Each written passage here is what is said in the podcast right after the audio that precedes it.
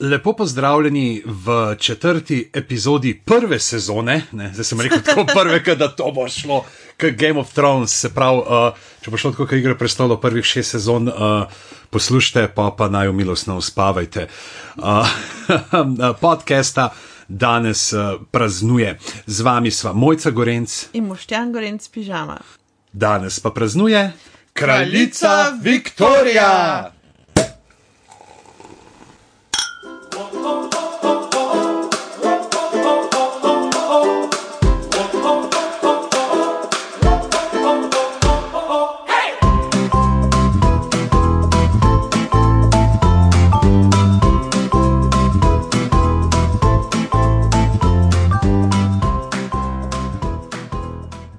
Kraljici Viktoriji nazdravljava uh, z Šentrupert, Frelih, Rose Brut, uh, mislim, Saint, Saint Rupert, Saint Rupert. Mm -hmm. Uh, ročno trgano, žametna črnina, 100% integrirana pridelava grozdja in to z dolenske. In se hvali, da ima 2019 dekanter bronasto. Oh. Uh, tako da je. M, kaj nice. ti porečeš? Um, še ena uh, tako suha, dobra penina, ampak jaz mislim, da bi kraljica Viktorija raje pila škotski viski. Uf, uh, je bila fenica single maltov? Ne, ampak mogoče škotov. No, naša Viktorija. Aleksandrina Viktorija Kenska je bila rojena 24. maja 1819 kar pomeni, da bi bila danes stara 202 leti. Tako je. Bila je kraljica Združenega kraljestva Velike Britanije in Irske od 20. junija 1837. Vladala je 63 let, kar je bila dotedaj naj, najdaljša vladavina v zgodovini kraljestva. In zdaj je prišla Lizika in jo prehitela. Ja.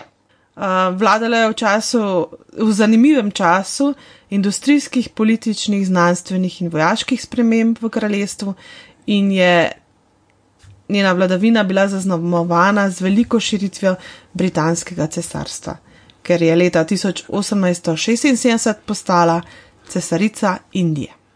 No, tako en majhen košček zemlje. Vse so mm. rekli, ne, da v času vladanja kraljice Viktorije sonce ni nikdar zašlo v britanskem cesarstvu. Ja, res je kraljica Viktorija se mi zdi, da je bila ena od prvih teh super zvest britanske kraljevine ali pa neke te novejše dobe, ki se je napovedovala takrat. Bila je tudi zelo, zelo natančna kronistka svojega časa in je uh, v, v času svojega življenja napisala kar 122 dnevnikov, imela je številno korespondenco z različnimi uh, ljudmi, svojimi otroci in tako naprej. Tako da je njeno življenje precej dobro dokumentirano, ampak po njeni smrti je njena hčerka, princesa Beatrice, vse te dnevnike cenzurirala, kore, vso korespondenco pregledala, veliko stvari so boje zažgali, uh, strgali ven, zbrisali in tako naprej. Tako Ampak, da zdaj, kaj bereš, se zdi, da je živela samo šest dni. ja, ne, še vedno, še vedno je ostalo zelo veliko, zelo veliko materijala za njo. Tako da nekateri zgodovinari pravijo, da ni res, da je bila princesa Diana prva članica kraljeve družine, ki je svoje notranje občutke zlila v javnost, kajti to je pred njo počela že kraljica Viktorija in to zelo natančno. In uh, njena družina je mislila, da to ni najbolj primerno. Ha, le kje smo to že videli? Ja. Eh, zelo, ko gledaš zgodovino, je zelo, zelo veliko sporednic z današnjimi časi, z vladavino uh, kraljice Elizabete. Zdaj, glede na uh, njen položaj, ne bi lahko njeno kraljevsko ime bilo tudi uh, Viktorija, malo verjetna, ne? ker je mm. bila kera peta ali šesta šele v vrsti za nasledstvo. Um, se pravi, Viktorija je potomka Jurija III., se pravi norega kralja, za katerega niti ne vemo, pr pravzaprav čisto točno, ali je bil dejansko nor, koliko te njegove norosti so mu, so mu v bistvu pripisali, pa je v resnici ni bilo, a je bil bolan in tako naprej. A je šlo samo za marketinški trik, da bi potem v 20. stoletju ljudje prodajali svoje drame? Mogoče, mogoče. Uh, o glavnem, uh, uh, Juri III. je bil njen dedek, imel je štiri sinove In uh, Edward, Viktorin oče, je bil najmlajši od štirih sinov. Se pravi, verjetnost, da bi nekdo od Edwardovih potomcev postal kralj, uh, kraljica um, v Angliji, je bilo, je, verjetnost je bila zelo majhna. Ampak. Zdaj sem hotel reči, potem je v letu Zafod Bibelbrox z ladjo na neverjetnosti pogon rekel, a greš eno furo in ko sta nazaj prišla, hej, kraljica si. Nobeden od ostalih treh sinov, od prvih treh sinov, Jurija III. ni imel uh, zakonitega potomca. In sin Edward, vojvoda Kenski, se je poročil z nemško princeso Viktorijo Saško, Koburško Zalfeldsko in rodila se je majhčerka Viktorija. Edward je umrl, ko je bila Viktorija stara le nekaj mesecev. Potem pa je kmalo postalo jasno, da drugi sinovi Jurija, Jurija III. ne bodo imeli potomca, in za Viktorijo se je začelo obdobje priprav na prevzem prestola. Prestol je pa prevzela leta 37 po smrti zadnjega strica Viljama IV., ki je vladal le sedem let. Viktorija je bila takrat stara 18 let. Dobro, to veš, eni dobijo za 18 rojsten dan enega razdrapanega kliota, ona je dobila en imperij. Ja. No, in kraljico je seveda bilo treba omožiti, ker je bila mlada. Družina njene mame je bila zelo ambiciozna. Tako so si umislili, da je najboljša ideja, da se Viktorija poroči s svojim bratrancem, svojim prvim bratrancem. Ne, Dobro, da je to v neposrednim. monarhiji. V monarhiji je to približno, to je 16 kolen na razen. ja. Uh, in sicer Albertom Saško Koburškim in Gota. Ta ideja naj bi zrasla na zelniku Leopolda I. belgijskega kralja, ki je bil stric. Mamina nemška družina je imela namreč plan zavladati Evropi in ohraniti monarhije po Evropi, kajti v tistem času so bila vse bolj glasna republikanska gibanja. Viktorija in Albert s svojimi devetimi otroci sta to poslanstvo nad vse uspešno izpolnila, kot bomo kasneje slišali. Se pravi, devet otrok, ne? ampak mm -hmm. jaz sem prebral nekje uh, njen uh, citat, uh, da je rekla: I don't dislike babies. Though I think very young ones rather disgusting. Mm. Se pravi, če prevedemo, ni, da mi dojenčki ne bi bili všeč, ampak mislim, da so zelo mladi, dokaj nagravžni. Mm -hmm. um, to je v bistvu napisala ona sama v enem od svojih dnevnikov. Mimo grede, te dnevnike si dejansko lahko ogledate, preberete, saj so objavljeni na spletu. Leta, mislim, da 2012 so jih dali v javnost. Ja, uh, za Viktorijo je veljalo, da je bila slaba mati. Za njo je veljalo tudi, da je imela zelo slab odnos s svojo materjo. Ampak tukaj v bistvu um, na nek način delamo Viktoriji in njeni materi veliko krivico, kajti prva leta Viktorijnega otroštva, čeprav je izgubila očeta, so bila zaznamovana kot zelo srečna leta, imela je vse udobje na svetu, imela je dobro izobrazbo, eh, ukvarjala se je s slikarstvom, s pisanjem in tako naprej. Imela je zelo bogato otroštvo. Kasneje pa je v bistvu se odnos z materjo skrhal, ker je bila mati pod vplivom Johna Conroya, ki je bil nekakšen skrbnik materinega premoženja, svetovalec in tako naprej um, ki je imel pa svoje načrte in sicer je želel dejansko prevzeti oblast. Oh, uh, kako pa to? In, to pa nismo še v zgodovini imeli ta zgodovina. Nikoli. In v bistvu je celo poskušal izkoristiti neko priložnost, ko je Viktorija bila bolna in uh, je v verjetno nekem vročičnem stanju celo ponudil nek dokument, ki bi ga podpisala pri katerem bi mu predala oblast oziroma bi mu predala velika pooblastila. Na srečo je bila Viktorija, čeprav takrat zelo mlada, dovolj pametna, da tega ni storila. Očitno tudi ni bila tako hudo bolna, da, da ne bi prepoznala te nevarnosti. Tako da moramo reči, Taylor Swift, prnej se zgleduj, komu daješ pravice za svoje komade. In uh, odnos z materjo se je dejansko skrhal zaradi Conroya.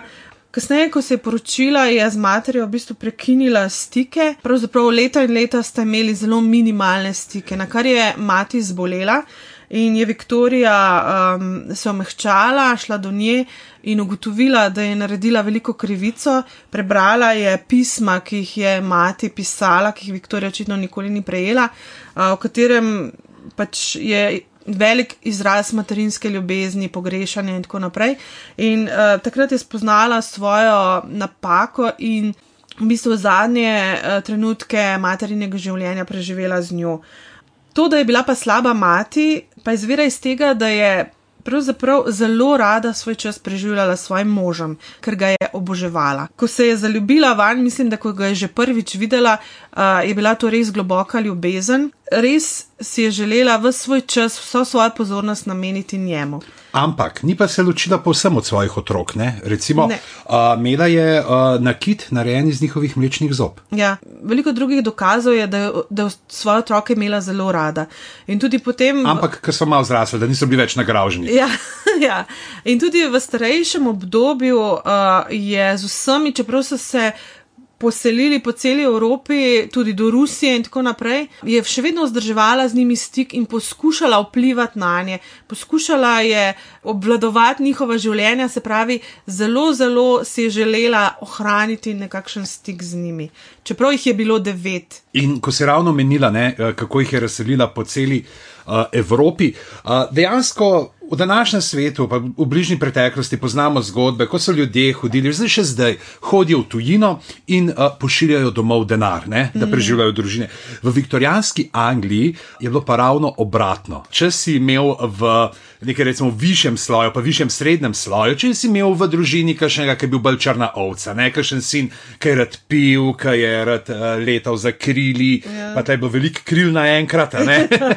A, ali eh, kockov ali karkoli tasga, so se jih znebili tako, da so jih poslali v oddaljene dele imperija in je mesečno plačevali. Kao pač tukaj imaš malo denarja, bod tam, kjer. Ne hod nazaj. Ja, ne hod nazaj. Reklo se jim pa je remittance man, se pravi remittance mm. kot denarno nakazilo in tako so se jih pač zlosali. Eden od takih je bil pa tudi Viktorijin sin Edward VII, ki je skakal za krili in uh, imel razmerje z neko igralko v Dublinu, na kar sta Viktorija in Albert posredovala. In menda naj bi Albert tik preden je umrl, imel velik spor s tem sinom, prav zaradi te afere. In kraljica Viktorija menda celo življenje trdila, da je on kriv za njegovo zelo zgodnjo smrt, nekako mu naj ne bi odpustila, da je to storil, da se je oče tako razburil in tako naprej. Drugače, mogoče, če se še malo dotaknemo razmerja Viktorije z Albertom, uh, bil je njena velika ljubezen. Kot sem že rekla, med njima je bila velika spolna privlačnost, kar se tudi v njenih teh eh, zapisih vidi, tisto, kar, kar otroci niso odstranili. Dejansko je recimo ne zelo znana ta. Tudi uh, slika, portret, ne, uh, njun poročni, ne, ker pač pozneje, ko je postala vdova, poznamo v tem pač črno, stalno namrgodena, mm. ne bi bil ta stavek, we are not amused, ne, mm. ni pripisujo, ampak to je pa žarela, ne, in pogled, ki ga namenja njemu, vidiš, da je med njima res uh, mm. bilo nekaj uh, živega. Čeprav so zgodovinari kasneje očitali, da, da je bil Albert zelo uh, krut in strok mož, ki je kraljico povsem omejil, nadzoroval, jo vodil, ampak vseeno iz zapisov vidimo, da je med njima gorela res pristna ljubezen. Res pa je bil mogoče malo po nemško, zelo, zelo strok, ne samo do nje, tudi do svojih otrok, zelo je bil strikten pri vzgoji, ampak zanimivo, tudi sam je precej sodeloval pri vzgoji svojih otrok. Je pa menda Albert to nosečnost izrabil za prevzem oblasti. V teh letih, ko je bila kraljica Viktorija noseča, se pravi med 1840 in 1857, prevzel oblast in on vladal kraljevini. Viktorija je celo življenje iskala očetovske figure in v Albertu je jo definitivno našla. Prva taka očetovska figura je bil pa njen prvi ministerski predsednik Lord Melbourne, ki je pravzaprav bil poleg Alberta tisti, ki je kraljico največ naučil o politiki, o kraljevini, o vladanju in tako naprej. In uh, kraljica ga je imela zelo, zelo v čislih. Mati in mož Albert sta umrla oba istega leta 1861 in za kraljico je bil to velik udarec. In od takrat naprej pravzaprav ne, ni več oblekla drugega kot uh, črnine. Čeprav prej se je znala uh, lepo obleči modno in eno od teh viktorijanskih modnih muh, ne, ker več uh, zdaj ta viktorijansko obdobje je tako v literaturi, v filmu, v, ne, v nekem tem popkulturnem spominu ovekovečeno kot eno tako zelo bizarno obdobje, ne, kjer se je dogajalo uh, veliko znanstvenih odkritij, obenem pa še vedno pomešano z nekimi ali starimi uh, verovanji ali pa tudi z nevednostjo, ne, kaj so vse te stvari, ki jih odkrivajo. Recimo, ena od stvari, ki mislim, da te bi bila zelo všeč, je to, da so všivali v obleke kot okras krila hroščev. Ta je bil ta normalen. Recimo, mm. ena od bolj bizarnih je pa to, da so na, klobuka, na klobukih dame nosile mrtve ptice ali pa dele mrtvih ptic mm. kot okrasje, in da so jih, zato pač, da ne bi razpadle, namakali mm. oziroma pač preparirali z arzenikom. In še zdaj dejansko uh, so v muzejih, ki jih imajo, so še zmeri pozitivne na arzen. Ja. Bahrov arzenit, ki uh, vsebuje arzen, so uporabljali za zelen pigment. Uh, ki so ga potem uh, na veliko uporabljali uh, na tapetah, pod vlažnimi pogoji je spuščal arzen, in uh, dejansko je bilo kar nekaj smrtnih primerov, tudi od otrok, ki so lizali te tapete. Oh, oh. Ja, se s tem punk je pa verjeten ena od. Uh izpeljank tega obdobja, mogoče malo napihnjena varianta. Ja, ta fasciniranost nad parnimi stroji, ne, ja. ki so takrat uh, res dobro zaživeli. In tako moj najljubši pisatelj Robert Rankin ima celo serijo knjig, ki se dogajajo v tem steampunkovskem uh, obdobju, kjer je Charles Babbage genij uh, priznan skupaj s Teslo, rihta ta neke te brezžične prenose elektrike. Dejansko je ne uh, zelo lušten poligon za uh, razno razne zgodbe. Na zelo znane, recimo tudi The League of Extraordinary Gentlemen, ki je, ki je tudi film, kjer je mislim, da Sean Connery zadnjič igral nekaj, potem smo rekel, ja še ne grem več. torej, če smo zdaj pri Viktoriji, umrla sta jim mati in mož in padla v globoko depresijo. Izogibala se je vsem javnim nastopom, izogibala se je dolžnostim. Edino, kar je ohranjala, je bila korespondenca, ker je še vedno rada očitno pisala. V tistem času pa je veliko časa preživela tudi nagrado Balmoral, se pravi na škotskem. Na škotskem pa je spoznala človeka, ki je domnevno največja ljubezen njenega življenja. Čeprav je bila ljubezen do moža Alberta izjemna, je našla še enega življenjskega spremljevalca, ki je po nekaterih domnevah celo pomembnejši od Alberta. In sicer je spoznala Johna Browna, ki je bil njen služabnik, njen spremljevalec, uh, predvsem najprej nagrado Balmoral, kasneje pa je bil njena senca vse čas, bil je povsod, vedno zraven.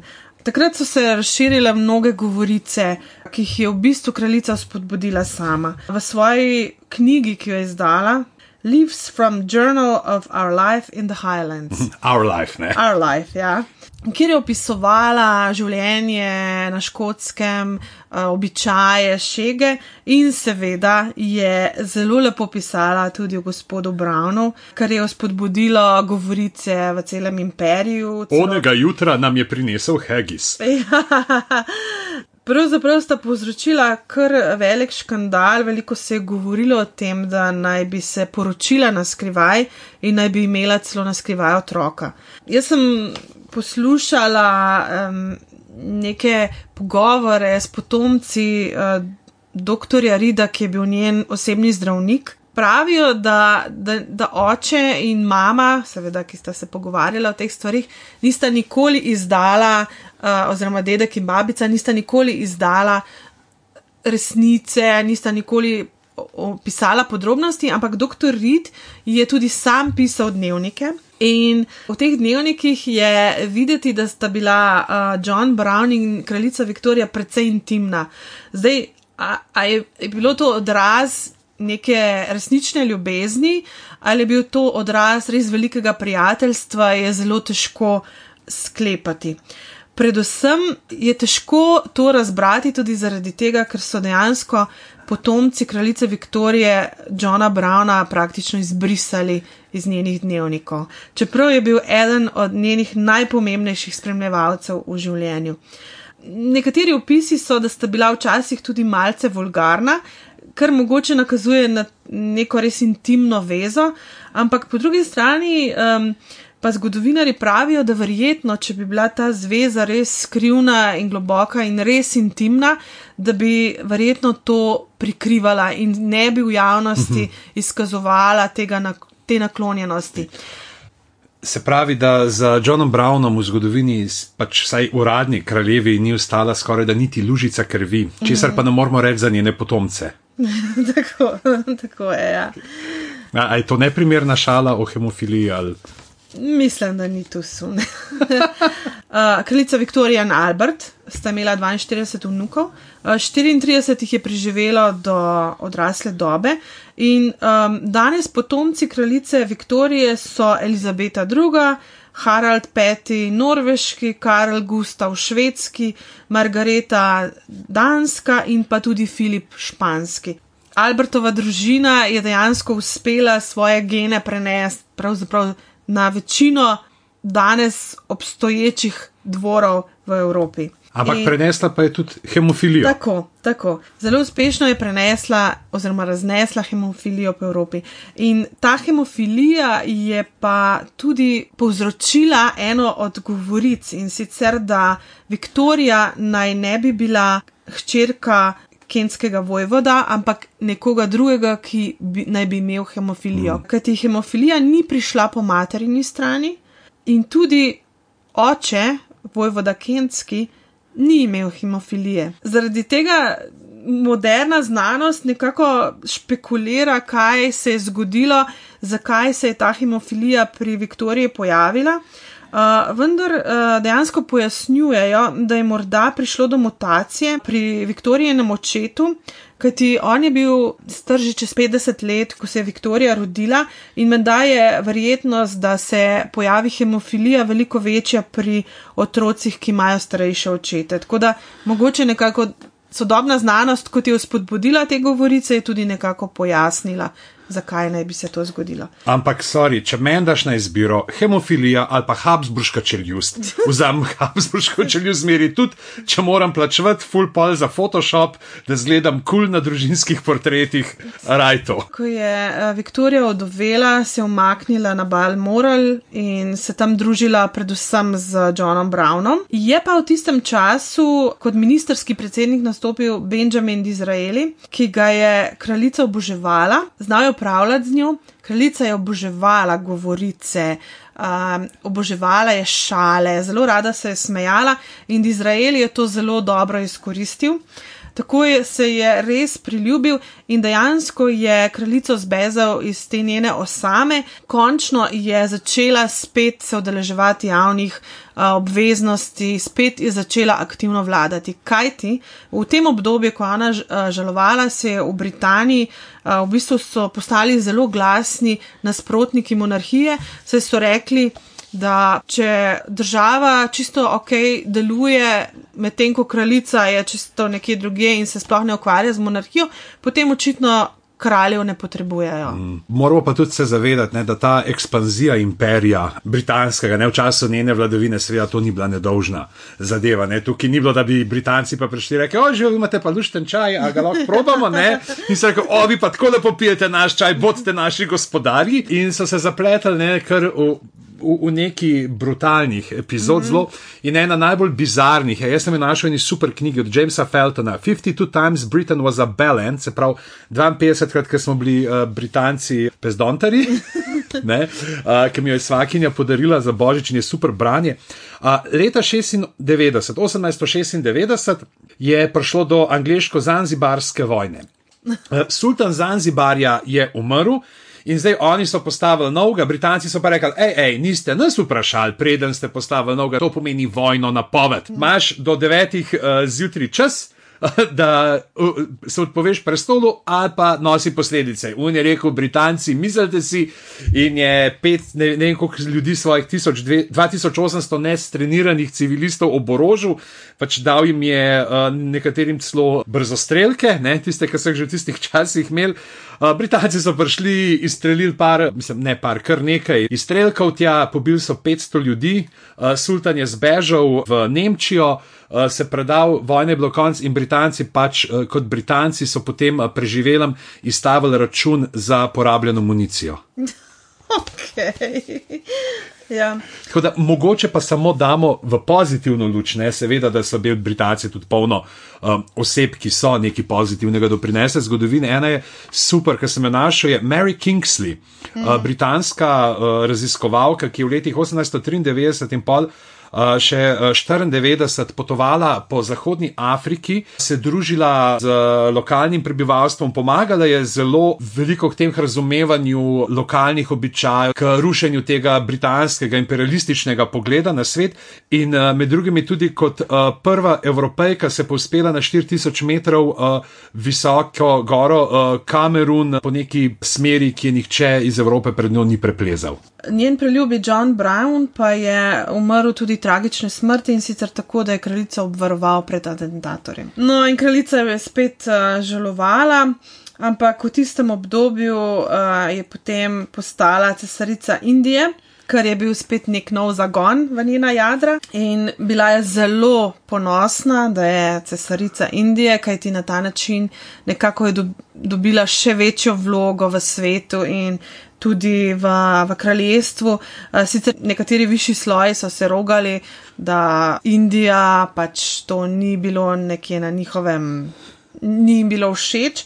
Uh, drugi pa so videli to kot nekako uh, obogatitev kraljestva, um, se so videli v Indiji veliko bogatstvo se so potem ga tudi zelo dobro izkoristili. Ja, na škodo Indije. In v tistem obdobju m, mm, so kraljici dodelili um, dva indijska natakarja. Eden od njih je bil Abdul Karim, Kraljica se je na njen izredno navezala, zelo hitro je napredoval po lestvici, bil je na koncu njen osebni tajnik, munši, um, se pravi učitelj za indijsko kulturo in celo se je učila indijskega jezika, indijskih fraz, čeprav nikoli v življenju ni obiskala Indije. Abdul Karim je, je povzročil velik škandal v, na dvoru, kajti zelo, zelo hitro se je uspenjal po družbeni lestvici, tudi po, po dvorski lestvici, in na koncu je bil zelo, zelo pomemben kraljici nikamor spet ni šla brez njega, zelo rada je imela moške, zelo rada je imela moške, ki so ji bili naklonjeni, ki so ji namenili čas, ki so skrbeli za njo. In Abdul Karim je prav to počel, hkrati je bil pa menda veliki skorščevalec in je izkoriščal njeno dobroto, izkoriščal priložnosti, ki so se mu pojavile na dvoru. Je pa on predstavil kraljici Kari. Kraljici je bil tako všeč Kari, da ga je potem uvrstila dejansko na svoj meni, vsak teden je jedla Kari. Kar jo jaz čist razumem. Potem pa se je življenje odvijalo do njene smrti leta 1901. Šla je še v 20. stoletje, potem pa je ugasnila. Še ena stvar, ki je spodbudila govorice o tem, da sta bila z Johnom Brownom več kot prijatelja, je to, kako je se Viktorija dejansko dala pokopati. Namreč, ko so jo pokopali, so ji morali nadeti zlat prsten, ki je pripadal Brownovi materi, ki ga je nosila vse od njegove smrti naprej. Pri sebi na truplu je imela barvno fotografijo Johna Browna in pa usnjeno škatlico, v kateri so bila pramena njegovih las in pa njegovo fotografijo, ki je sicer kraljica imela vse čas pri sebi, v žepu, in pa Brownov robček, ki so ga morali položiti na njo. Ne mhm. zraven je. Ne v žep, ampak prav na njeno telo. Očitno je bilo nekaj. Ja, v bistvu ne bomo nikoli izvedeli, ker, eh, ker dejansko so njeni otroci poskrbeli za to, da je resnica zavedno izgubljena. Morda so s tem tudi vzpodbudili dodatne govorice Ampak, ko si ravno menila robček, ne? ena stvar, ki je precej podobna robčkom in ki jo poznaš recimo z avionov, z avtobusov, uh -huh. ne, je ta kvadratna plahtica, ki je na naslonjalu za glavo. Ja. In to izvira iz viktorijanskih časov. Ja? Ker takrat so si lase uh, moški uh, na veliko mazali z makasarjevim oljem in to je puščalo, potem mm -hmm. tudi malo barvo in maščobe, in to so začeli dajati na stole, mm. na naslonjače in temu se je rekel uh, antimakasar, in potem uh, se je to ohranilo v javnem prevozu še do zdaj. Aha. In ko smo pri uh, telih uh, ravno pri viktorijanskih izrazih, kaj misliš, da pomeni viktorijanska fraza The last shake of the bag? The last shake of the bag. Kaj bi to lahko bilo? Sprav mm. zadnji potres vreče, zadnji potres malhe. Po moje, mislim, jaz ne vem, zakaj sem prišla do te um, asociacije, ampak se mi zdi, da je to, ko zadnji denar porabiš. Ne, To je bil izraz za najmlajšega otroka v družini. O, ne. In ko smo ravno pri otrocih, uh, Edward VII, ne, takega ni marala, jo je uh, potem nasledil. In jaz sem uh, šel mehen gledati po teh starih časnikih, recimo Slovenski narod je zapisal 23. januarja 1901. Včeraj ob pol sedmi zvečer je po večdnevnem boju s smrtjo umrla angliška kraljica uh, Viktorija. Dve leti je Viktorija že poznala in na tihem ljubila princa Alberta. Ne? In 15. Ja. oktober 1939 mu je Viktorija povedala, da ga ljubi ter da ga prosi, naj bo njen soprog in tako naprej. In potem naslednji dan ne, so pa imeli že članek o kralju Edvardu VII in je bilo super, ka prav, pač kako da ni bil glih v dobrih odnosih z materjo, mm. kako se tudi ni ravno brigal za vladanje in to prav. Doslej je bil kralj angliške mode. Elegantna obleka je bila doslej njegova glavna skrb, po njem so se oblačili vsi najboljši angliži, politično ni stopil nikoli v spredje. Ampak je bila pa kriva uh, njegova žena za eno zelo nenavadno uh, modno muho v Angliji, Aleksandra Danska, ne, mm -hmm. je bila njegova uh, žena.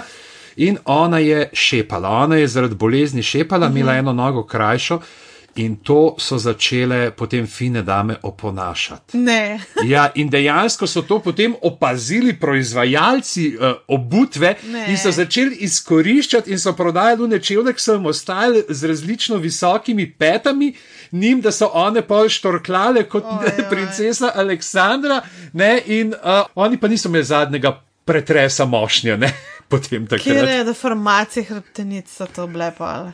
Pa, ko smo ravno pri uh, modi in uh, modnih muhah, kraljica uh, Viktorija naj bi si lastila pariški zadek, ne, se pravi bastel, to je ta del na krilu, ne, ki ti uh, dvigne nad zadnico, ki naj bi imel noter glasbeno skrinjico, tako da ko je sedla, je zaigralo God Save the Queen. Ne, ni. No. Ja, ne, tako so rekli v QI eni knjigi. Ne, kamon.